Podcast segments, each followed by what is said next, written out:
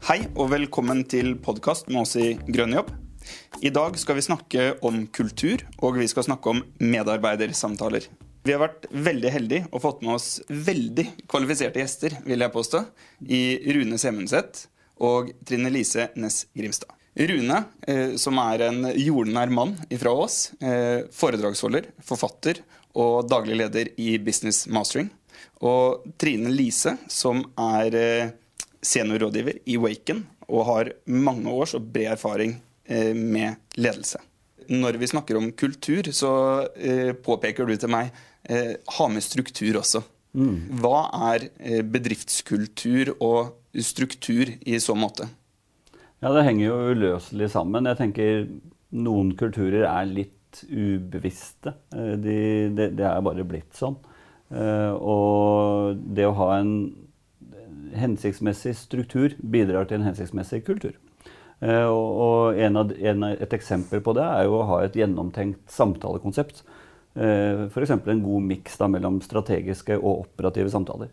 Og her er det veldig mye forskjellig, og jeg må vel innrømme at ni av ti virksomheter eh, så vet ikke medarbeideren hvor mange samtaler det er med lederen sin i løpet av et år. Og det, mm. det skaper en uforutsigbarhet og en usikkerhet som er helt unødvendig. Mm. Og bidrar til en um, hva skal vi si, mer ubevisst kultur. Men i, i kultur, eh, hva ligger egentlig i det begrepet? Er det bildet på veggen når jeg kommer inn som sier at her er vi ordentlig på? Eller er det måten vi samhandler på og måten vi snakker sammen? Hva, hva mm. ligger i kulturbegrepet?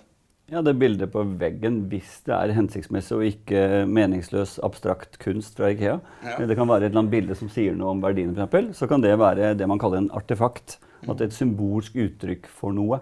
Så, så hva man har på veggen, eh, kan være en, en, slags tydeliggjøring i forhold til hva man ønsker å fremstå som. da. Mm. Eh, og kultur det kommer fra det latinske ordet 'cultura', som betyr å dyrke. Så hva ønsker du å dyrke? Eh, og da dukker jo gjerne ordet verdier opp. Det er veldig mange som har laget flotte, fine, tilsynelatende eh, fine verdier eh, som sminker en årsberetning eller en nettside, men der de ikke mener så mye med det. Jeg tror at verdier kan være utrolig viktig i forhold til å bygge kultur gitt at uh, det er noe som fremmer strategien da, og de ambisjonene man har. Mm. Uh, og så ser jeg at veldig mange av verdiene er i for liten grad lagd sammen med medarbeiderne. Det er litt for mye reklamebyrå, litt for mye HR og litt for lite folka. Så jeg mener at uh, når vi skal lage noe som er mm. kollektivt, for kultur er kollektivt, så trenger vi å lage verdiene og spillereglene sammen. Også artefaktene. Hvordan er det sånn i forhold til det å etablere da, mm. Eh, leveregler på huset? Mm. Eh, hvordan er det man angriper det? Ja, På samme måte som eh, når vi lager verdier, så, så, er medarbeiderne og lederne sammen om å lage de spillereglene som vi skal gå etter. Mm. Så jeg tenker at ti bud er en fin metafor. Det sies jo bl.a. at du skal ikke stjele. Uh, og jeg tenker at I en virksomhet så er det, du skal ikke snakke andre ned. Mm. Det har noe med verdighet å gjøre uh, og et integritet å gjøre. Så, så de spillereglene uh, de kan være med på å hjelpe folk til å finne ut hva er innafor og hva er utafor. Altså hva er rett og galt. Du nevner ti bud. Mm. Har du noen bud du har lyst til å fremheve? Ja, er, eh, vi har jo ti. Noen av våre kunder som er, eh, der det er litt for mange ateister, der er det ni bud. Eller elleve bud. Gjør hva du vil. Men altså, lag noen spilleregler. Da. Noen bud som forteller noe om hva som er innafor og utafor. Mm. Bud nummer uh, syv hos oss er uh, Du kan ikke komme med et problem med mindre du har minst ett løsningsforslag. Ja. Det jeg spart mye tid på som leder. altså. Og Folk blir myndiggjort og ansvarliggjort til å tenke sjøl og komme med innspill. Og det er det vi på godt norsk kaller medarbeiderskap. Da. Til uh, våre ansatte så har vi ti bud som er lagd av alle seks. Mm. Uh, og det er bud nummer åtte. Det er at uh, når noen sender mail på lørdag, type sånn som meg, så trenger du ikke svare på på mandag. Mm. Så, så, så, budene skal også reflektere rundt og redusere rommet for antakelser. Mm. For det er en fare i norske virksomheter at hvis du ikke er tydelig nok på verdier, normer og artefakter, så blir rommet for antagelser så stort at du mister kontroll på kulturen. Du nevnte et ord her, medarbeiderskap. Mm. Og så har vi nevnt struktur. Mm. Uh, og når vi da skal følge opp medarbeidere, så er medarbeidersamtalen én uh, måte å sette oppfølging av medarbeiderne i en struktur på. Du forfatta jo, som jeg nevnte, boka 'Medarbeidersamtalen 2.0'. Mm. Eh, Hvorfor skrev du den boka? Den eh, boka ble skrevet fordi jeg så at i mange virksomheter, enten det er tre ansatte eller 20 eller 50 eller 100, og der har vi de fleste bedriftene i Norge, eh, der var det et kjedelig pliktløp. Eh, og noen hadde plukka opp et eller annet skjema, og så skulle alle gjennom det samme. Det sier seg sjøl at det er trist. For folk er forskjellige. Og i og med at det heter medarbeidersamtalen og ikke ledersamtalen, så tenkte jeg jeg skulle innovere dette da, og skru litt på det. Og sørge for at medarbeideren eh, påvirker agendaen betydelig. Slik at eh, hos våre kunder så er 60-70-80 av agendaen skapt av medarbeideren. Eh, og det er en involvering og en, en intellektuell stimulering. Veldig fine ord, men det er en stimulering av folks eh, evner, eh, tanker, behov. Eh, og i tillegg så er det også et signal om at vi har tillit til at dere kan tenke selv. Så vær så snill, fortell meg ut fra denne fine menyen som vi har lagd sammen, så fortell meg hvilke spørsmål har du lyst til å snakke om. Da blir det helt andre samtaler. Det var starten på medarbeidersamtalen 2.0. Trine Lise, mm. i din erfaring som leder, hvor viktig har medarbeidersamtalen vært i oppfølging av medarbeiderne? Eh, Jeg tenker at medarbeidersamtalen er det lange løpet. Det er det som knyttes opp mot handlingsplanen, eh, som er en del av å støtte strategien. Eh, Sånn at vi sikrer at litt misjonen hvorfor står vi opp om morgenen? Hva er det vi egentlig skal skape? Så den tar med seg det, pluss de litt store spørsmålene. eh, Som vi ikke adresserer hver måned, fordi det blir veldig kleint, rett og slett. Bare sånn Å, skal du spørre meg om det nå igjen? Så den, men den har jo ingen verdi, egentlig, eh, alene. Hvis man ikke følger det opp i det du kaller for operative samtaler, det jeg kaller for én-til-én-samtaler. Eh, som man da har løpende for å følge opp operativiteten. Og det er akkurat som man følger opp en handlingsplan. Vi har blitt enige om noe. eh, og så løper vi ut og gjør disse tingene. Og så er det min jobb som leder å legge til rette for at mine medarbeidere kan velge å lykkes i sin jobb hver dag. Så da må jeg liksom fjerne friksjoner, støtte og eh, følge opp og lese kroppsspråk og fange opp ting. Men òg å stille de ansvarlig. Eh, ikke sant? Og det skjer i de én-til-én-samtalene. Um, og jeg tenker at én-til-én-samtalene er jo ufattelig viktig at er planlagt godt frem i tid. Så mitt råd til teamledere, f.eks. Uh, altså det er jo de yngste av våre ledere som har flest, eller størst lederansvar, med minst tilbud av ledertrening. Det er en kjempekombo, ikke sant? Og det, så sier jeg, men eh, ikke eh, ta, Ja, men jeg tar det sånn en gang i måneden. Ja, det er sikkert fint. Eller en gang hver 14. dag. Det er også fint. Um, tilbake til det du sa, så er folk forskjellige, så de har forskjellige behov. Men det viktigste er at du gjør det et halvt år av gangen. Altså Book det inn et halvt år av gangen. Skap forutsigbarhet. slik at, fordi veldig mange av de jeg eh, snakker med, som Nei, trenger ikke sånn én-til-én. trenger ikke sånne, her, Hvorfor skal vi ha det her, liksom? Jeg har ikke, det er så mye møter, vet du. Og det er litt sånn kult å si nei, nei, nei. Vi driver ikke med så veldig mye møter. Vi har så mye å gjøre. Så vi er flinke med å ikke ha så mye møter. Ja, men eh, Nei, du skjønner, jeg prater med folka mine hver dag. Eh, ja vel. I døra, da, eller? Om viktige ting, liksom. Tror ikke det. Men årsaken til at du snakker med de i døra hver dag, er fordi du ikke har laget denne planen. Så med en gang de kommer på noe som de bare «Å, Det må jeg spørre om. Nå sitter han der. Da går jeg inn. Ikke sant? Det er årsaken. Så den vil fjernes, og de vil jobbe mer fokusert. Hvis de vet at dette brenner, da tar jeg det nå. Det, 90% av de tingene som dukker opp, kanskje 98 til og med, er, brenner ikke. Så da bare notere. Ja, jeg har jo møte med henne om syv dager. Da tar jeg det da. Så første spørsmål jeg har, hva har du med deg inn i møtet? Hva er på toppen av ditt hode akkurat nå? Hva er viktig? Så har de spørsmål. Og da plukker vi de Noen har løst seg underveis, eh, mens andre da plukkes ned. Og det er jo det det handler om. Og da, fj- da fjernes jo disse herre? Ja vel, når er det du gjør jobben din da, sier jeg til disse lederne hvis du prater med medarbeiderne hver eneste dag. Ikke sånn Ti stykker står i døra di og skal spørre deg om et eller annet. Så derfor så er det viktig å samspille, tenker jeg. Og dette er jo det, litt av det som kommer fram med din bok spesielt, er veldig viktig. For, for eh, sånn jeg hører det da, så er det jo at medarbeidersamtalen det er kun en liten del av det. Eh, mens eh, det er ikke en uviktig del. Eh, for, for operative samtalene, eh, de én-til-én-samtalene, eh, det er minst like stor jobb, men det er kanskje vanskelig å følge opp dem hvis man ikke har gjort en god medarbeidersamtale. Tenker jeg riktig her, Rune? Ja, du Rune? tenker helt riktig. du. Og så er det som Trine Lise antyder, eh, slik at medarbeidersamtalene medarbeidersamtalen har litt større temaer, litt mer strategiske temaer, litt mer langsiktige temaer, som du sa. Og det kan jo f.eks. være du, Oddbjørn, vi, vi er i, nå er vi i januar 2022, og hvis jeg var sjefen din, og det skulle jeg gjerne vært Det var et jobbtilbud, forresten. Skulle gjerne, skulle gjerne hatt deg. Så for jeg liker empatien din og de gode spørsmålene, så takk for det. Eh, så jeg ville spurt deg i en forventningsavklaring først, i januar. Eh, nå er vi inne i 2022. Hva var det aller fineste som skjedde i 2021? Og så snakker vi litt om det. Ok, Nå er vi inne i 2022. Hva tror du at jeg som leder forventer av deg nå? Da må du sette deg i min stol, og så, så lytter vi ut.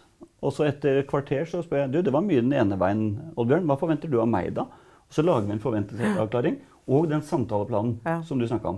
Der det går fram at du skal ha én medarbeidersamtale i året, og f.eks.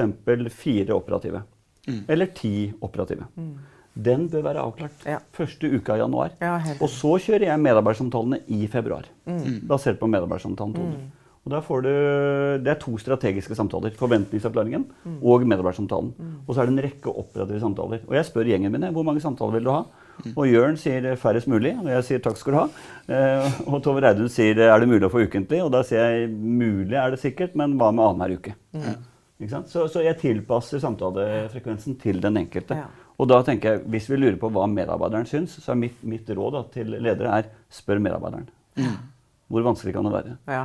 Når du gjennomfører medarbeidersamtaler, eller eh, det kommer en, eh, en virksomhet og spør hvorfor skal jeg gjennomføre medarbeidersamtaler, hvorfor skal man gjøre det?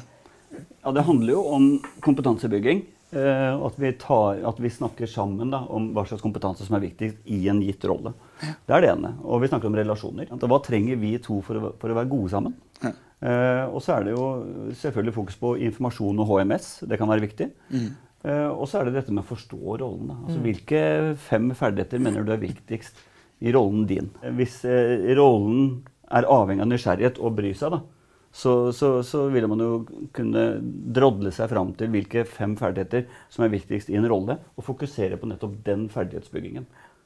Knyttet til rollen. Og det er viktig å snakke om tenker jeg, én gang i året. Eh, eller to ganger i året.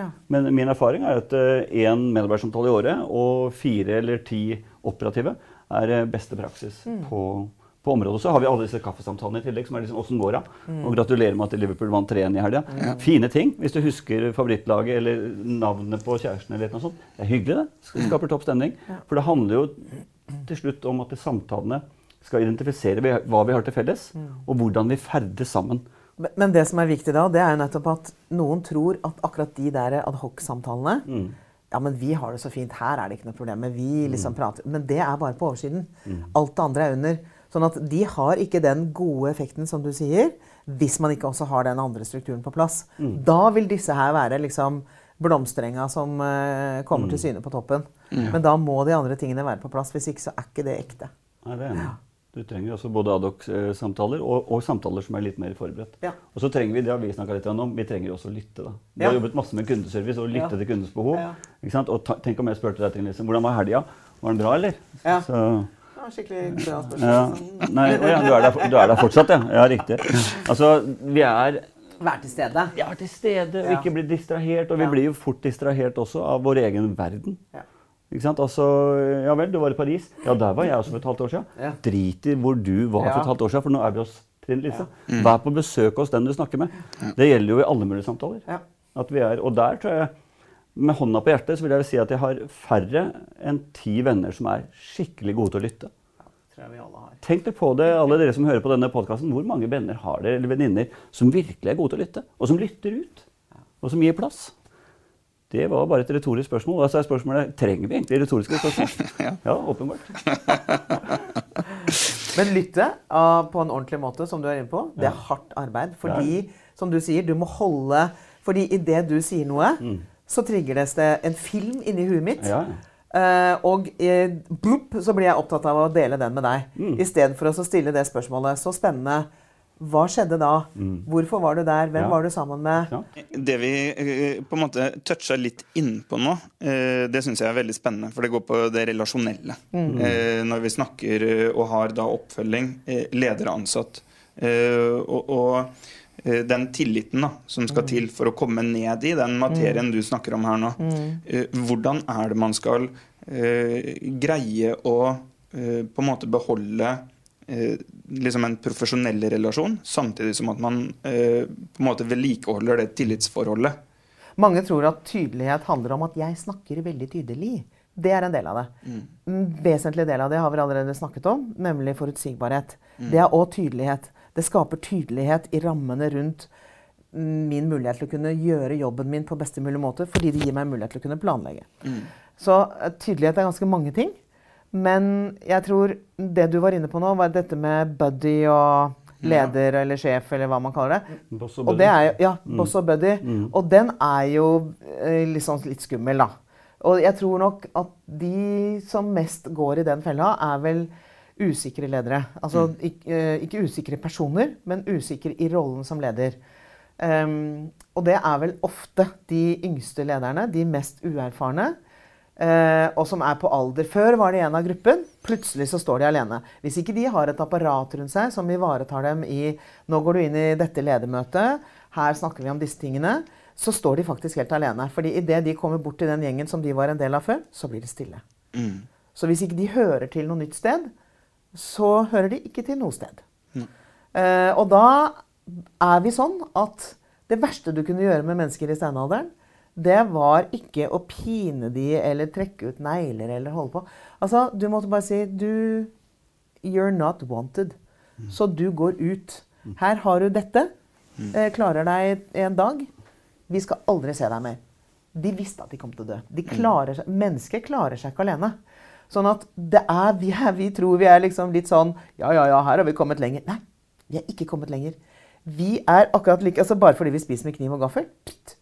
Altså, det er liksom Det er de samme reglene som gjelder. Så er du utstøtt, så kjenner du på det. Det orker du så lenge, og så orker du det ikke lenger. Så kommer du krypende tilbake og lager en kvasi-greie ut av rolle, lederrollen din. Jeg vet ikke, Du var inne på dette med privat osv. Um, og det å skille det er jo vesentlig. Jeg tror det viktigste er å forstå hva er det dine medarbeidere faktisk trenger. Ikke hva du har lyst til å være i din lederrolle, men hva er det de trenger. Ja. Og så være det. Uh, I tillegg til også å skape de forutsetningene for resultatene som du senere skal uh, stå oppreist i og levere et eller annet sted. Uh, så det jeg tenker at og alle, eh, Det er jo ikke sånn at man kan si ja, men jeg leder på denne måten. Å, gjør du det? Ja, det var interessant. Så du har bare én type ansatte, da, eller? Som er helt opptatt av akkurat det samme. Passa heldigvis. Ja, passa heldigvis til den lederformen. liksom. Ja. Jeg liker denne lederstilen. Nå begynner det å virke for meg som at det er veldig vanskelig å eh, følge opp medarbeidere. Er det noen ting man kan gjøre, eh, kall det enkle grep, for å gjøre en god jobb med oppfølging av medarbeiderne sine? Jeg tenker at det var jo et uh, vanskelig spørsmål. Ja, veldig stort og, og, det, er- og det er ikke så vanskelig å svare på det, egentlig. For det, det er klart noen samtaler er veldig vanskelige. Fordi noen mennesker har vært gjennom en skilsmisse. Eh, noen mennesker er i en krise. Noen har lav selvfølelse. Og det er krevende å være leder. Det er et stort ansvar. For vi er jo ikke psykologer, og vi skal forstå mennesker som er også i krisesituasjoner. Og jeg er blitt veldig glad i en bok som heter 'Klok på følelser', som handler om å validere, altså bekrefte og forstå mennesker, og være dønn til stede i, i både sorg og glede. Og så tenker jeg Det er samtidig noen enkle tips eh, som gjør at eh, samtalene blir verdt veldig mye mer. Og når du toucher dette med privat, personlig og tillit, så, så vil jeg jo si at de beste spørsmålene eh, Eller de beste samtalene vi har hatt, der har det vært mye fokus på personen. Historikk, verdier. Jeg vet at du er en empatisk person, for det ser jeg på øya dine. Og eh, det å, å stille beundrende spørsmål hvor kommer den empatien fra? Fortell. Få høre litt mer om din ungdom i Sarpsborg f.eks. Eh, hva er grunnen til at det har blitt sånn som det er blitt? Det kan det bli veldig gode samtaler av. Eh, og, og jeg spør eh, alltid Vi fikk jo Dag på, eh, inn i, i, i flokken i fjor høst, og da spurte jeg fra forrige arbeidsgiver, da du var pastor hva er det viktigste du lærte i dine år som pastor som du kan ta med deg inn i business mastering? Så når folk ser at du som leder har forberedt deg godt Lagd tre spørsmål, to spørsmål som er til individet, og ikke fra en eller annen obskur HR-mal som noen har lagd. Da får vi helt andre samtaler. Eh, så tenker jeg det, det ligger i respekt for mennesket å lage spørsmål tilknyttet enkeltindividet. Fordi Jan Spurkeland fra Bergen sier at eh, ethvert menneske er en levende roman, og du har en undersøkelsesplikt. Og Det handler om å stille gode spørsmål. Jeg synes det er vakkert. Ethvert menneske er en levende roman. Få i hvert fall med deg overskriftene, og snakk om det.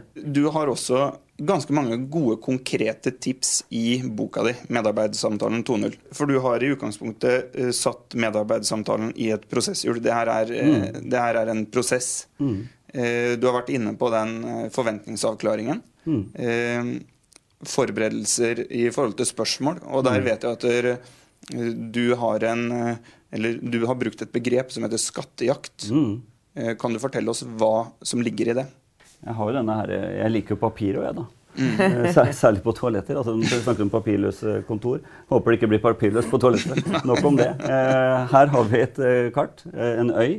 Og ja, jeg elsker å dra på skattejakt sammen med ledere og eh, ansattrepresentanter for å finne ut hvilke spørsmål er viktigst hos oss.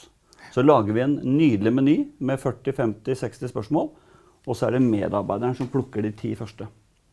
Og på den måten så vil medarbeideren glede seg veldig mye mer til samtalen, fordi medarbeideren forsyner seg fra en meny som er lagd av og for ledere og medarbeidere. Og den må være forskjellig fra virksomhet til virksomhet, fordi vår kunde i Jølstad begravelsesbyrå er veldig forskjellig fra en annen kunde vi har som heter Bravida. Helt forskjellige kontekster og helt forskjellige menyer. Hvordan skal man få åpna til prat? Vi, mange virksomheter i Norge, de fleste virksomhetene i Norge, er små virksomheter. Jobber i bransjer hvor det kanskje ikke er det, jeg vet ikke om jeg skal kalle det sosialt akseptert, eller det, det ligger antakelser om at nei, men vet du hva, den samtalen her, den, de, den kan vi spare oss for. Men hvordan bør man gå fram her? Nei, da ville jeg, sagt til Nisse, før vi da ser på disse ti spørsmålene som du har plukket ut Ja. Og jeg fjerna ett av dem, fordi den snakka vi om for et halvt år siden. Ja. Så, og så har jeg lagt til tre, som du sikkert så. Og som gikk, eh, gikk litt på din bakgrunn fra opplysningen 1881 og det viktigste som du lærte der. Så før vi går ut med de eh, ni spørsmålene, blir det da, sånn, eh, og de tre som jeg har lagd til deg, Ja. Så, så skal vi ut og gå oss en tur en halvtimes tid. Men før vi tar den gåpraten, er det noe du trenger for å føle deg trygg i den samtalen? Få høre. Så vi sjekker ut det. Uh, og vi applauderer at du har holdt, eh, holdt deg til reglene. Du har gjort jobben din. Jeg har gjort jobben min. Uh, ok, da er vi klare, så da går vi oss en tur, da. Og den gåpraten, den har vist seg å fungere utrolig bra. Vi, vi går oss en tur og snakker om mestring, autonomi og tilhørighet. Ja. Vi kaller det matprat. Og tilhørighet henger veldig mye sammen med mening. Så når jeg jobbet med medarbeidersamtaler i Økokrim, så jobbet jeg jo da mye med å spørre eh, eller få lederen til å spørre hva er det med vårt samfunnsoppdrag som gjør at du nesten ikke sjekker om lønna har kommet inn. For de er totalt Ja. drevet av prososial motivasjon, Ja. altså hva de gjør i samfunnet, og veldig i liten grad øh, øh, motivert av lønna. Og da tenker jeg matpraten skal jo nettopp fange opp hva er aller viktigst i din motivasjon. Eh, Og da gjør vi den gående. Det vet jeg du likte, og det, det gjør du også veldig ofte i det du kaller én-til-én-samtaler, de, de operative. Men vi starter altså medarbeidersamtalen med sjekke inn, skape trygghet, eh, anerkjenne at vi har gjort jobben vår begge to, for begge skal forberede seg. Og så går vi oss en tur, halvtime, tre kvarter, og snakker om mestring, autonomi og tilhørighet. Når vi da kommer tilbake til møterommet, så ser vi at samtalen glir veldig mye lettere. Fordi vi har fått varma opp gående. Vi slipper å se øya til hverandre. Det er ikke alle introverte som eh, liker det når Nei. lederen plutselig blir veldig veldig sosionom og spør ja, hvordan har vi det egentlig. Ikke sant? Altså, så, så, så den der gåpraten den, den rigger også for en naturlig samtale i de resterende 60 minuttene. Ja, Rune, du har en spørsmålsbank på 1300 spørsmål som da kan benyttes i medarbeidersamtalen. Eh, har du noen utpekte favoritter? Jeg har det. Jeg kan ta et par av dem. da. Eh, Den ene bruker jeg ofte under matpraten, altså den gående praten. Og det er eh, Ja, Oddbjørn, eh, nå har vi lagt et bra år bak oss. Hva var den aller beste mestringsopplevelsen for deg? Fortell meg hva som skjedde. Hvorfor er det viktig for deg? Hvorfor er det viktig for Grønn jobb? Og hvordan kan vi gjøre mer av dette? Det var mange spørsmål, men det er ett spørsmål egentlig da, som, som handler om mestring. Eh, og så et annet spørsmål er jo Hvis eh, du var sjef, hva ville du gjøre mer av? Eh, eller til slutt, eh, hvis 2022 skulle bli ditt aller beste jobbår, Oddbjørn, hva er annerledes da? Så det var tre relativt gode, syns jeg. da. Jeg er ikke 100% objektiv, men eh, jeg syns de er gode. Ja, store spørsmål. Ja, det er det. Veldig Det får man til å tenke. Ja, det er nettopp det. Håper det. håper det. Eh, da er vi egentlig kommet til dit at samtalen er gjennomført. da. Eh, er vi ferdige nå? Er det sånn at jobben er gjort? Er det job well done? Nei, Nå kommer det viktigste, og vi vet at det det syndes mest på, er, eh, det er to ting. Det er manglende forankring, som er veldig viktig. Få alle til å forstå hvor viktig dette er. Og det, det, det andre som det syndes mye på, er oppfølging. Og det er veldig farlig, for da er det opp som en hjort og ned som en lort. Og da er det bedre å ikke ha medarbeidersamtaler, viser forskningen. Så oppfølging er ekstremt viktig. Mm. Og Og da gjør er det det å sette det i, den, i, i struktur med operative samtaler, én-til-én-samtaler. Ja. Akkurat da Vi følger opp det viktigste funnet fra medarbeidersamtalen i de operative samtalene. Og så bruker vi smart teknologi, vi kaller det EDB, elektronisk databehandling, for å sørge for at vi faktisk gjennomfører det vi har blitt enige om. Og det handler til slutt om etterrettelighet. Og da er vi over på kultur igjen. Nå, nå er jo egentlig da bildet blitt veldig mye klarere for meg. Eh, og hvis ikke jeg tar helt feil da, så starter man med å ha en forventningsavklaring. Eh, man enes om hva er det som er viktig å snakke om i medarbeidersamtalen for Agenda. begge parter. Agendaen, ja. Mm. Eh, har en gjennomføring av samtalen, lager en handlingsplan og en oppfølgingsstruktur. Basert på erfaringen din, eh, Trine Lise, i forhold til eh, både medarbeidssamtaler og, og ledelse da, av eh, arbeidstakere, eh, er det liksom noen tips du har lyst til å fremheve? Ja, ehm, jeg brenner veldig for at vi aldri skal flytte på en avtale med medarbeideren. Er det en én-til-én-oppfølging som er en del av den oppfølgingsstrukturen til medarbeidersamtalen, som er det operative i det daglige, flytt aldri på den. Fordi det du egentlig sier til dine medarbeidere da, det er at eh, du, eh, eh, denne timen passer det litt dårlig, for du skjønner jeg skal gjøre noe som er litt viktigere enn å snakke med deg. Eh, og det gir veldig dårlige uh, vibber, altså. Og uh, nettopp dette at det er en oppfølging med de operative samtalene, er helt avgjørende. fordi du kan ikke liksom ta det gjennom et år og så si ja, skal vi se, hvor var det dokumentet igjen? Hva var det vi ble enige om? Det har jo null verdi. For det har jo ikke påvirket oss i det hele tatt det året, egentlig. Og så er det noe med å holde det vi lover. Eh, fordi som du også sier, i, for, i begynnelsen så er det forventningsavklaringer. Det, er, det ligger noe i det. Forventninger. Og da er det helt avgjørende at vi holder det vi lover. Hvis ikke så er vi ikke verdt tilliten som leder. Avslutningsvis, har du noen eh, sånne ess i ermet, eh, Rune, som du har lyst til å dele med oss? Jeg har en eh, opplevelse selv som var veldig god.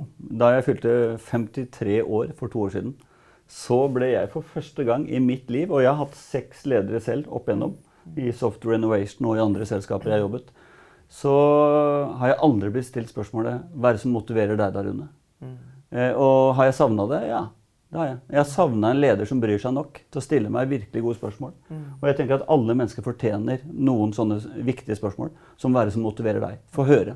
Fortell mer om dette, og lytte ut. Eh, det er det ene. Og så tenker jeg at eh, det er vesentlig at eh, ledere og medarbeidere i fellesskap bruker litt tid på å finne ut hvilke spørsmål er viktigst hos oss.